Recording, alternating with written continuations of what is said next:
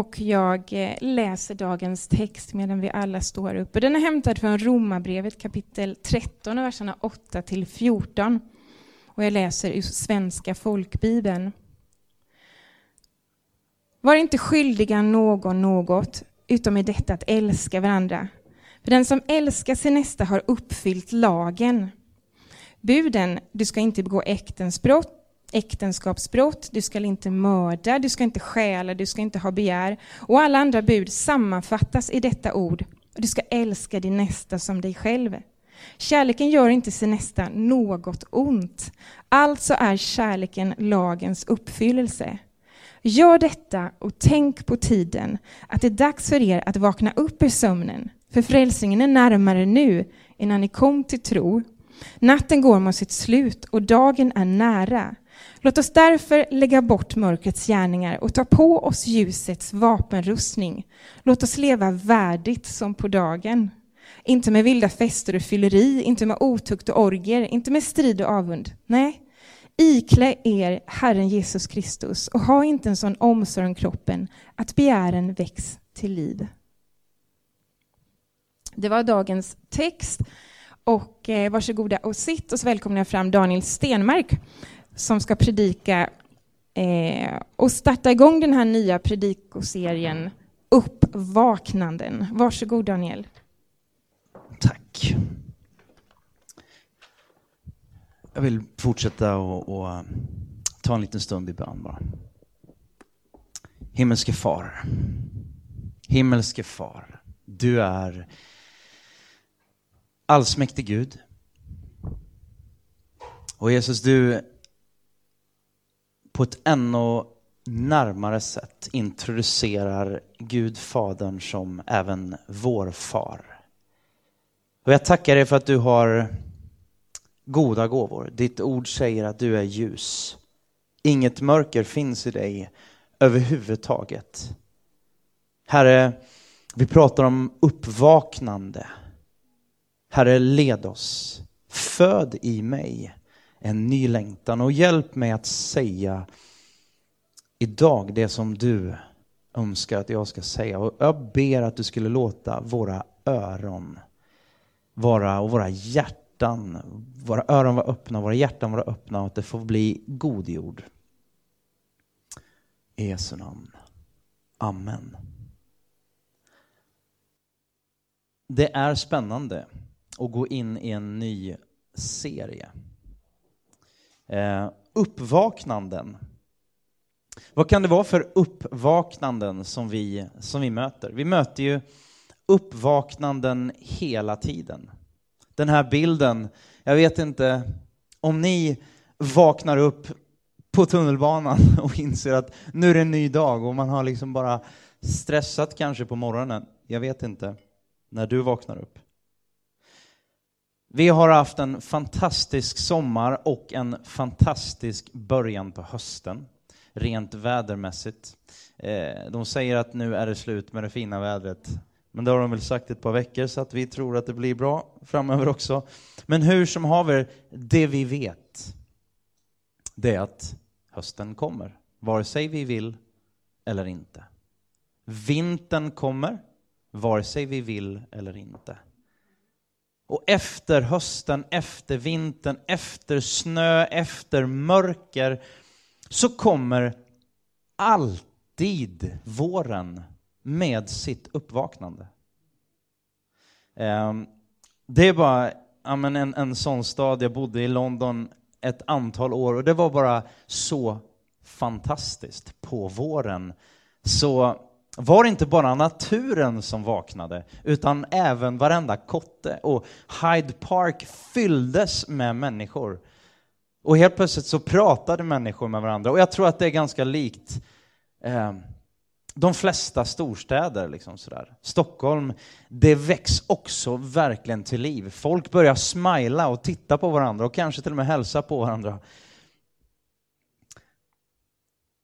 Varje natt Förhoppningsvis så sover vi. Någon gång per dygn behöver vi ändå sova.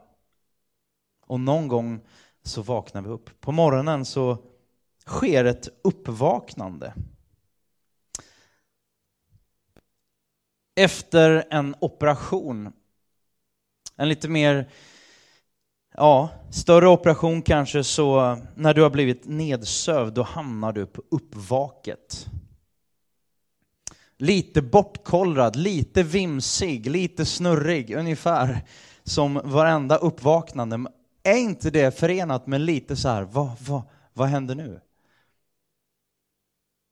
Eller, eller kanske efter en, en tragisk, inte bara olycka, utan ett kra, tragiskt våldsdåd, kanske.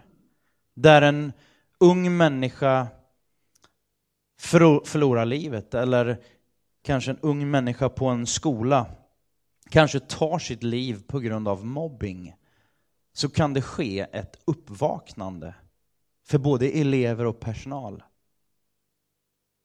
Vi har olika typer av uppvaknanden och jag tänkte jag skulle prata om förutsättningar för uppvaknanden. Det här ordet uppvaknande, man kan klä det med andra olika ord naturligtvis. Ett annat ord är ju att väckas. Eller ett klassiskt ord som har använts i en, en hel del kristna kretsar väldigt mycket är ordet väckelse.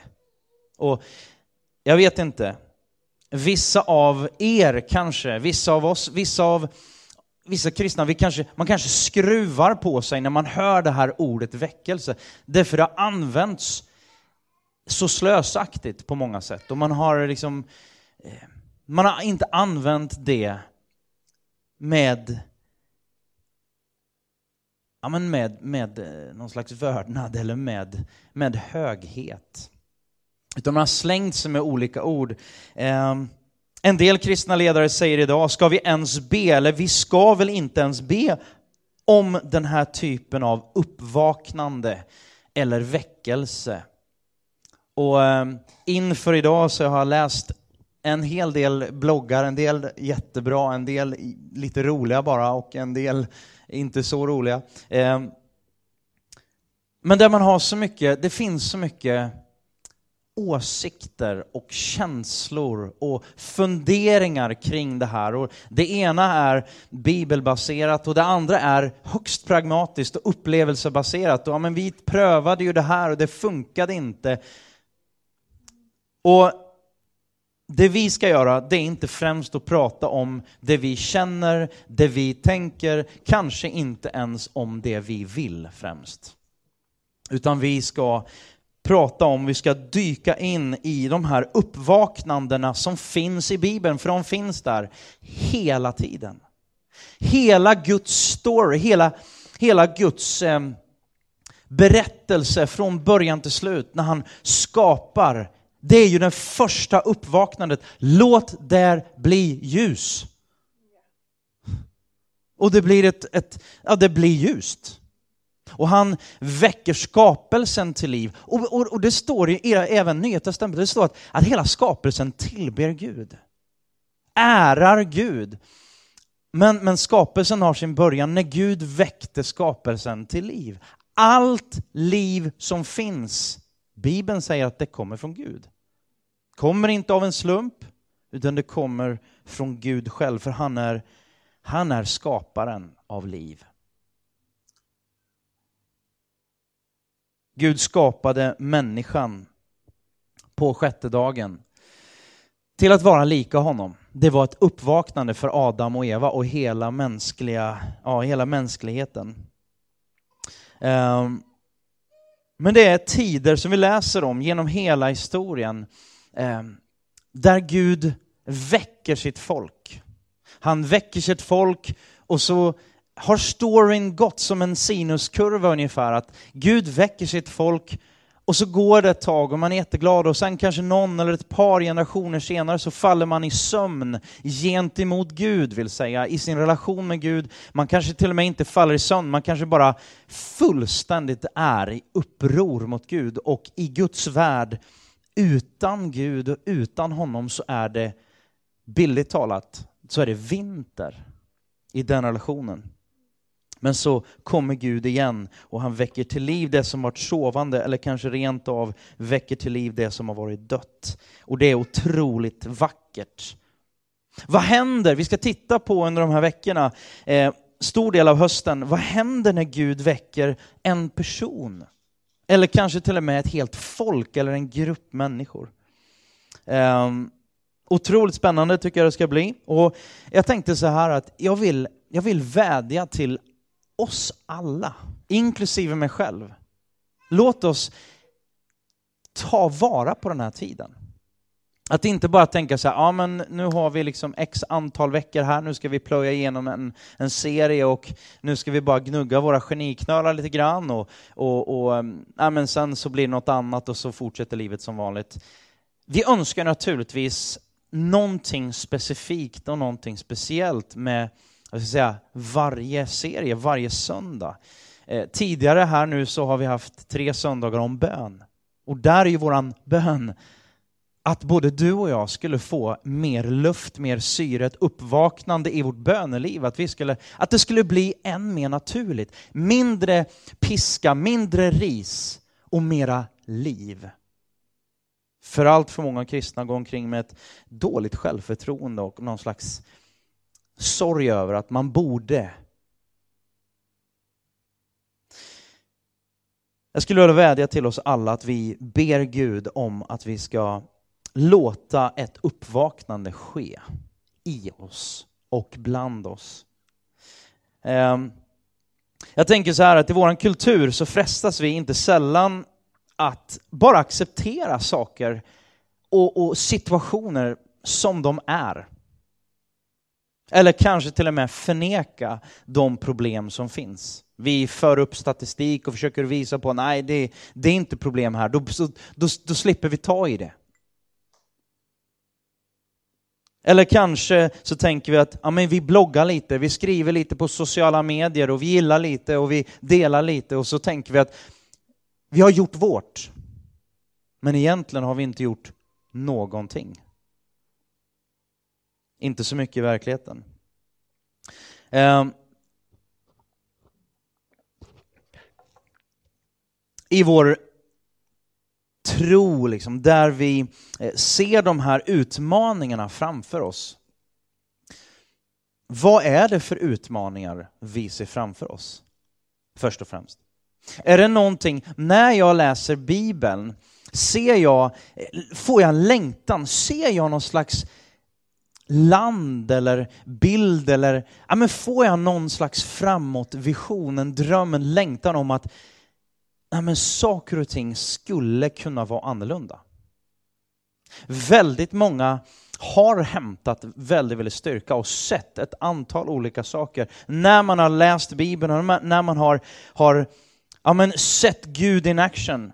En som jag bara, jag hade inte tänkt att prata om honom, men som jag bara måste nämna, eh, som personal favorite of mine, är ju Dr. Martin Luther King Jr denna baptistpredikant som tillsammans med en massa andra, eh, men han ledde, vad heter den, alltså den rörelsen, medborgarrättsrörelsen. Han ledde det, eh, hela den rörelsen och allt det som hände och även om han blev skjuten 1968 i sitt hotellrum så lever ju hans dröm kvar. Alla ni har ju hört delar i alla fall av hans tal I have a dream. Vad har du för dröm? Det kanske är det första uppvaknandet som du och jag behöver ha. Vad är min dröm? Vad är din och min dröm? Och någonstans är den i linje med det som Gud drömmer om. Vad tror du att Gud drömmer om? Vad tror du att Gud drömmer om för ditt liv? Det är så lätt att vi kommer till en plats i vårt, i vårt kristna liv. Vi eh, får tag på någonting, vi formas. Och vi formas naturligtvis av de människor som vi, som vi hänger tillsammans med och spenderar tid med. Och församlingen och gudstjänsten är där för att, för att forma oss. Skapa goda vanor så kommer de goda vanorna att forma dig. Ehm, men jag tror att väldigt många av oss, vi känner liksom sådär att vi kommer dit, vi vill komma dit. Ja, men nu, nu kan jag hantera det. Nu, nu förstår jag det. Nu, kan, nu, nu, nu, kan jag, nu passar det här innanför mina fyra, fyra ramar. Mina fyra, liksom sådär, här är mitt fyrkantiga rum. Här, nu kan jag förklara det och vi kan kontrollera det. Någonting vi kommer att se gång på gång på gång är att när Gud, när Gud kommer med ett uppvaknande, när han kommer till Jesaja till exempel, så, så ryms inte den här situationen och, och hela den företeelsen, den, den, den tid som, som Israels folk är i just då, han, får inte, han kan inte få in det i sin teologi. Och Gud överraskar honom. Och jag tänker att just det där med att amen, jag vill komma till en plats där jag, där jag kan hantera det. Och så är det allt för ofta så att vi lever ett liv där vi kan hantera det. Och vi är rätt så nöjda med det och vi lever en 30-40 år kanske på det sättet och vi hanterar vår tro och vi hanterar och saker och ting. Och naturligtvis finns det otroligt mycket bra av det. I helgen, förra helgen, eh, så talade vi på församlingshelgen bland annat om hållbar så använder vi ändå det här, det här lite känsliga ordet radikal, hållbar radikal tro. Definierade vi ordet radikal. Eh, ursprungsbetydelsen för radikal är att gå tillbaka till roten, att gå tillbaka till ursprunget.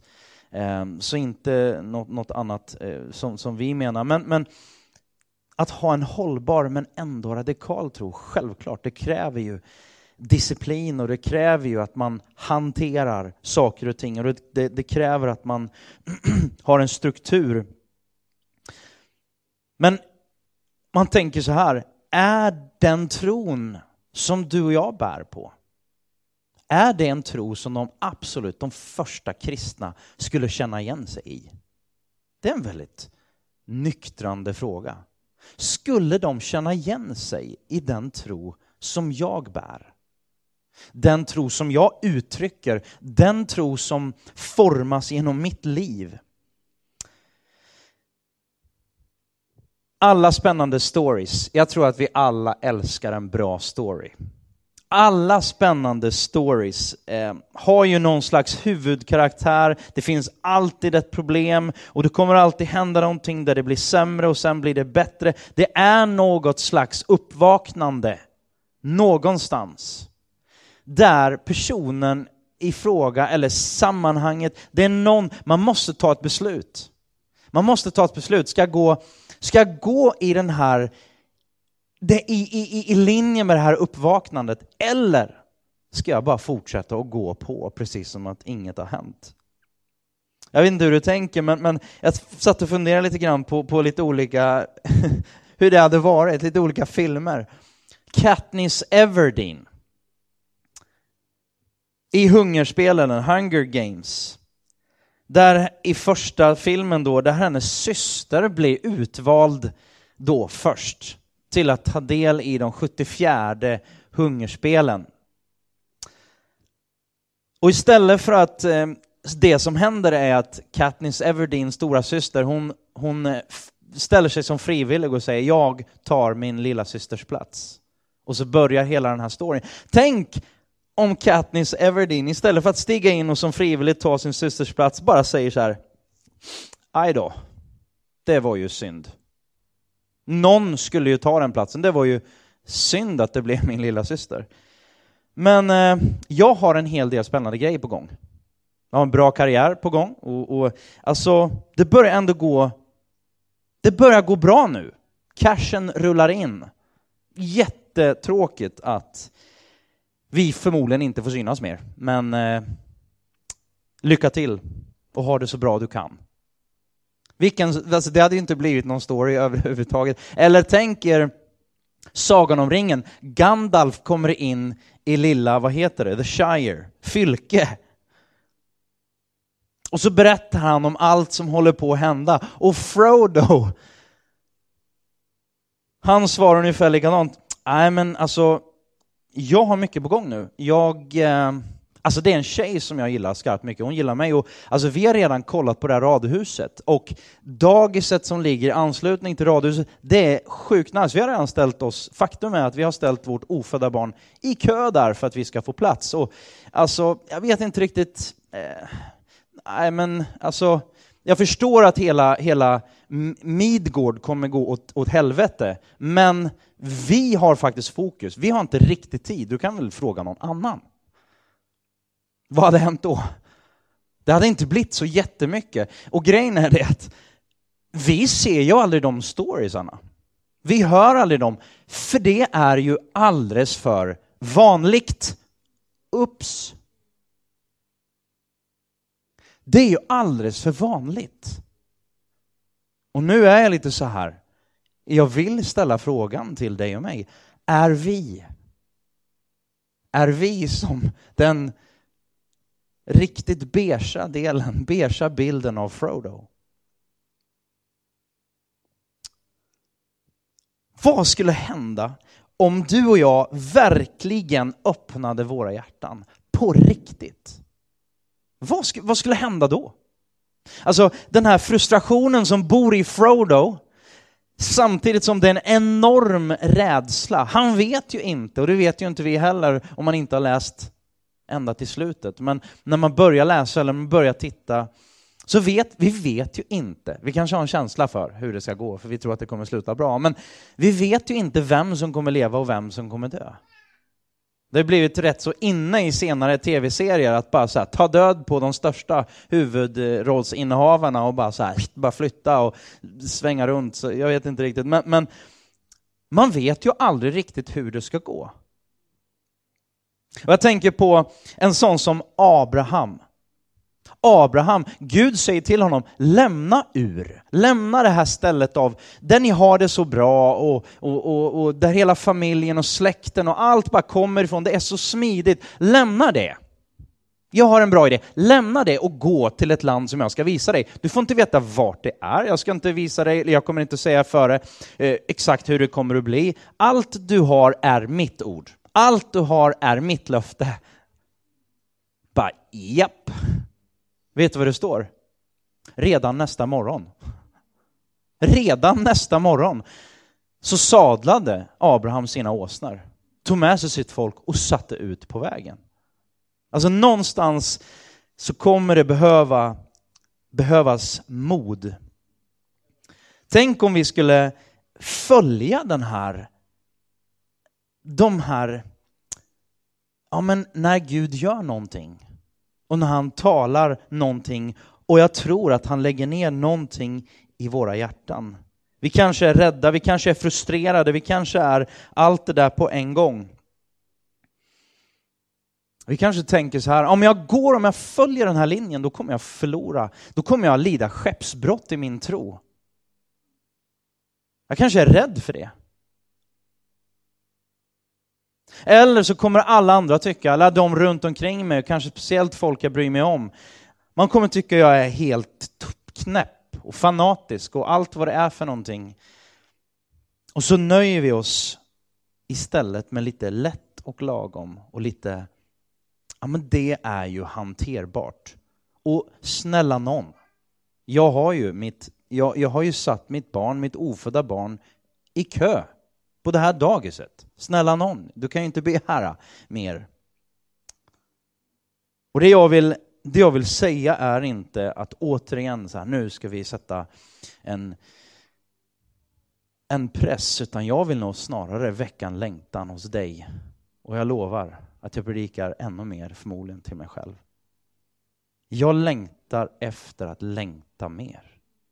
Och jag längtar efter att få del av en församling som längtar mer. Där fokuset inte är så här, ja, hur många lovsånger hade vi och vilken typ av lovsång hade vi och vilken, vilken färg på gardinerna? Nej, nu är vi ju inte riktigt där. Jag är med på det. Men det är så lätt att vi hamnar där små saker blir stora och där stora saker inte får plats och de blir väldigt, väldigt små. Det längtar jag efter att Gud ska väcka oss ifrån. Någon skrev så här på sin blogg att du kan välja tre saker av fyra. Du kan välja tillbakagång i ditt andliga liv. Du kan välja stiltje. Och du kan välja liksom att bara passivitet, att det bara, och det menar jag är också tillbakagång. Du kan välja förnyelse. Du kan välja att sträcka dig efter, sträva efter förnyelse. Och den här personen skrev, det finns en sak som bara är upp till Gud och det är ren väckelse. För någonting som är dött har ju väldigt svårt att ta sig till liv själv. När man ligger och sover, det är klart att man på något sätt man vaknar. Men i, i, i någon slags andligt perspektiv så verkar det väldigt tydligt att det är Gud som gör någonting. Men för den skull, så, så det jag vill säga med det är att det är inte en press, det är inte, låt oss inte falla under det här och bara, ah, nu är det upp till mig och så, och så åker axlarna upp och så krampen liksom sådär. Men glädjen, nyfikenheten, hungern, längtan, den ska vi ha. Framåtlutad snarare än bara så här, nej men det är pretty good liksom. Jag ja, nöjd som det är faktiskt. Mitt lilla radhus där.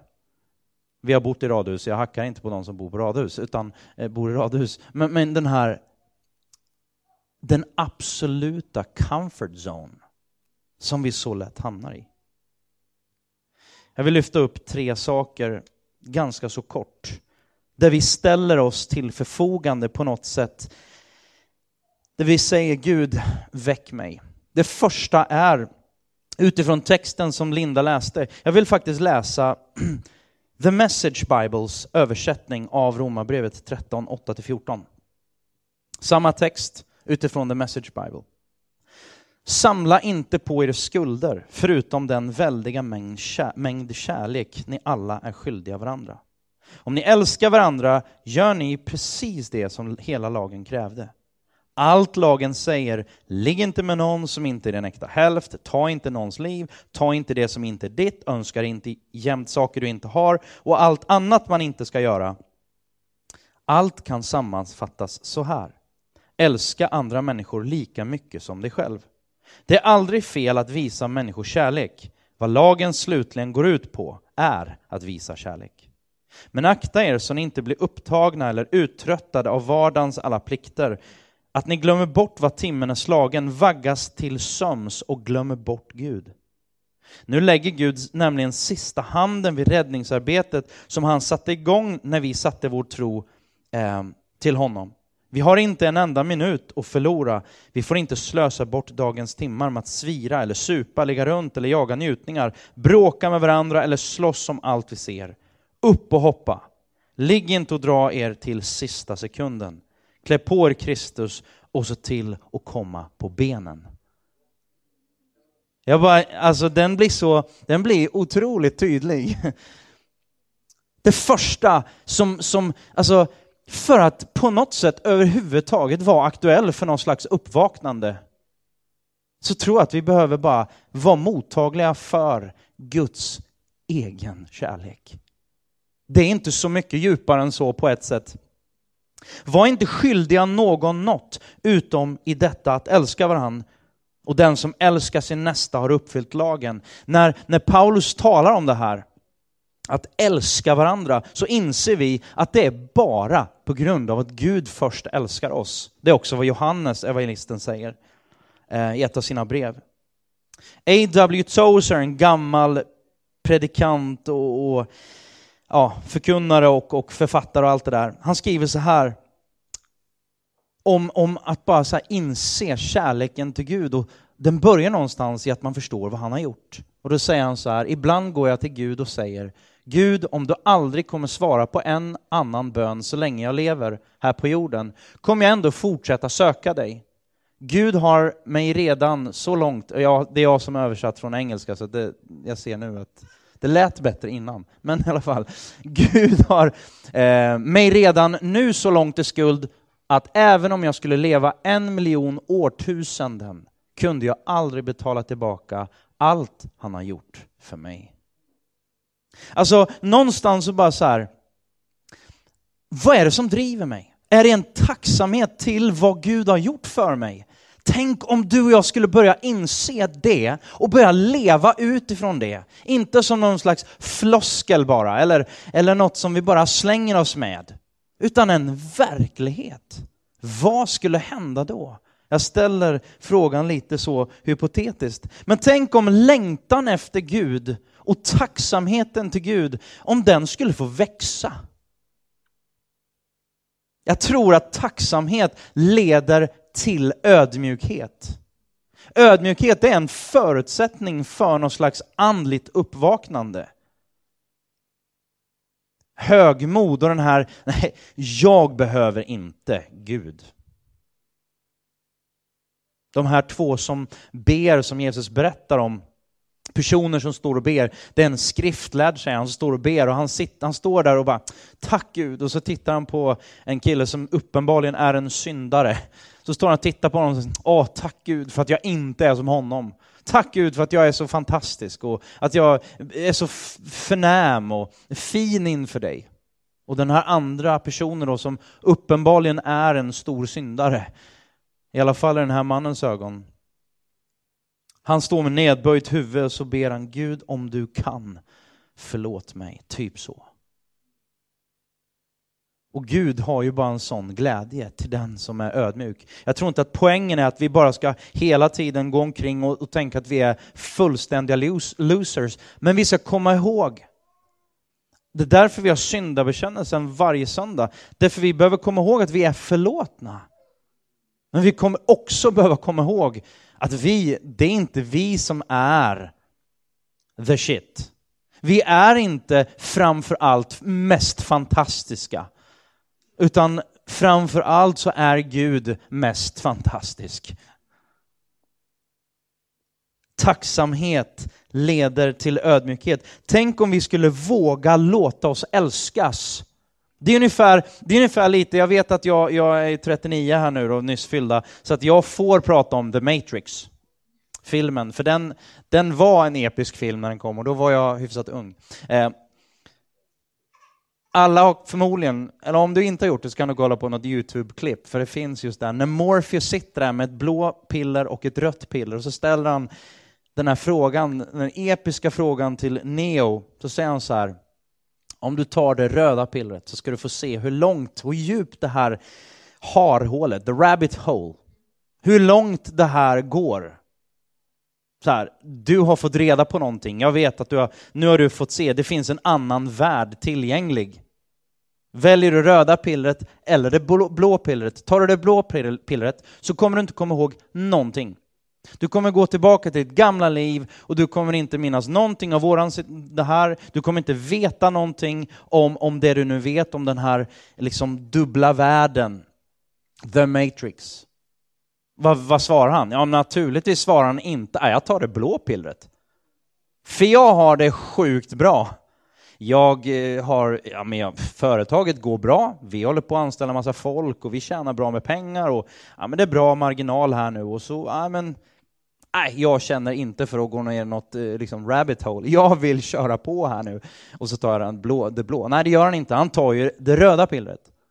Och jag tänker, någonstans där, det är väl ungefär där som det här röda pillret får väl stå för Guds kärlek. Vågar du och jag ta emot Guds kärlek fullt ut och springa med det och se vad som händer? Jag är fullständigt livrädd för att göra det. För responsen är ju, Gud vill ha hela mig. Och Gud vill ha hela dig. Och sanningen är den att vi vill inte ge hela oss, utan vi vill ge lite lagom. För vi är ju svenskar också. Också. En del av oss. Tack gode Gud för att vi inte bara är svensktalande. Att, Punkt nummer två, beroende. Gör detta i vers 11, gör detta och tänk på tiden att det är dags för er att vakna upp ur sömnen. Frälsningen är oss närmare nu än när vi kom till tro. Gör detta. Jag tänker så här, när Paulus säger gör detta så, så syftar han bland annat på älska din nästa som dig själv. Hur lätt är det på en skala? Hur, hur, hur skulle det vara om vi tog det lika långt? Som att vi tar det faktum att Gud älskar oss. Att vi börjar älska vår nästa som oss själva. En, en kollega till mig, en tidigare kollega till mig, hon kom till jobbet en dag och så sa hon så här, vi har bestämt i vår familj att eh, när vi köper en, vi, hon hade just köpt någon, någon leksak till, till, eh, han, till lilla sonens, har fyra, fem år, sonens födelsedag. Och då sa hon så här, vi, köpt, vi har köpt en leksak för 500 kronor, då bestämde vi också för att, att ge 500 kronor till vad det nu var, Stockholms Stadsmission eller om det var Rädda Barnen eller det var någonting sånt. Så sa hon bara, så när vi köper saker till våran son, då ska vi ge lika mycket till någon annan. Och då var jag så här, mm, det, jag känner igen det där. Utmanande. Jag säger inte att det är det du måste göra, men jag säger bara, tänk vad skulle hända om vi tog den här, om vi tog det uttrycket, eller den sanningen, att vi ska älska vår nästa som oss själva. Då säger jag omedelbart, då gör du och jag mig, vi gör oss beroende av Gud. Och det är en bra sak. Vi måste våga göra oss beroende av och tillgängliga för Gud. Är det främst skönt? Nej, för jag kommer inte och du kommer inte ha kvar kontrollen. Du och jag kommer inte längre vara Gud i våra egna liv, utan det blir någon annan. Det blir han som blir Gud. Det går inte längre då bara att be och passivt sitta still, utan be och vi måste arbeta aktivt.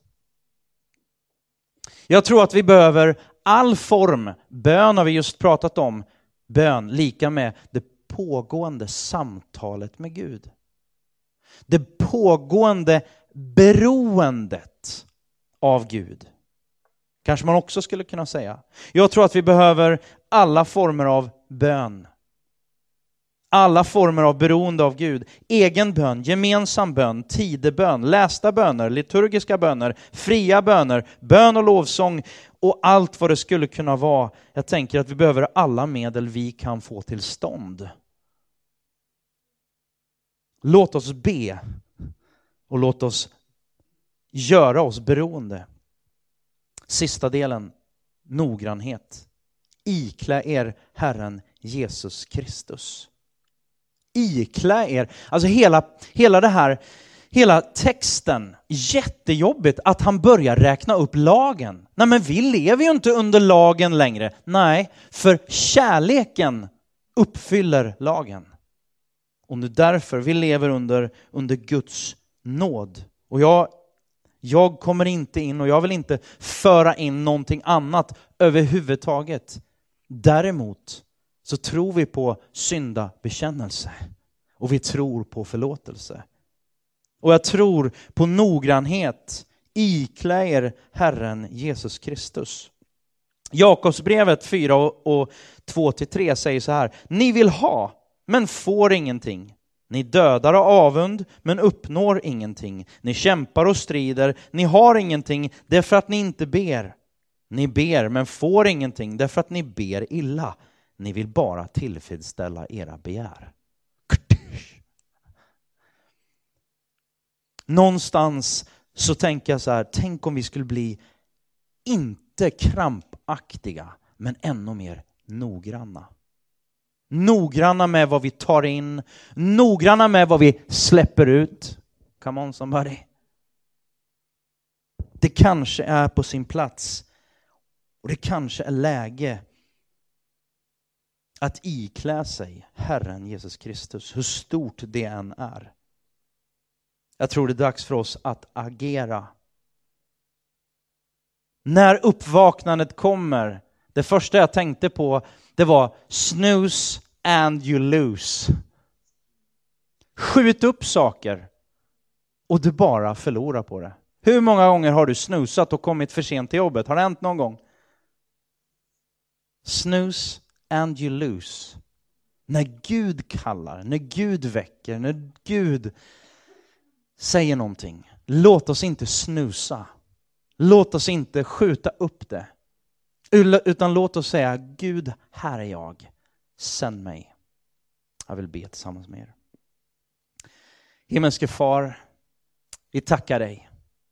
Vi lovar dig och vi, vi kommer inför dig det här med uppvaknande. Vi ser ju naturligtvis och vi kan inte och kommer inte ens försöka. Vi förstår att du är mer villig än oss. Vi försöker inte säga till dig någonting som du inte vill.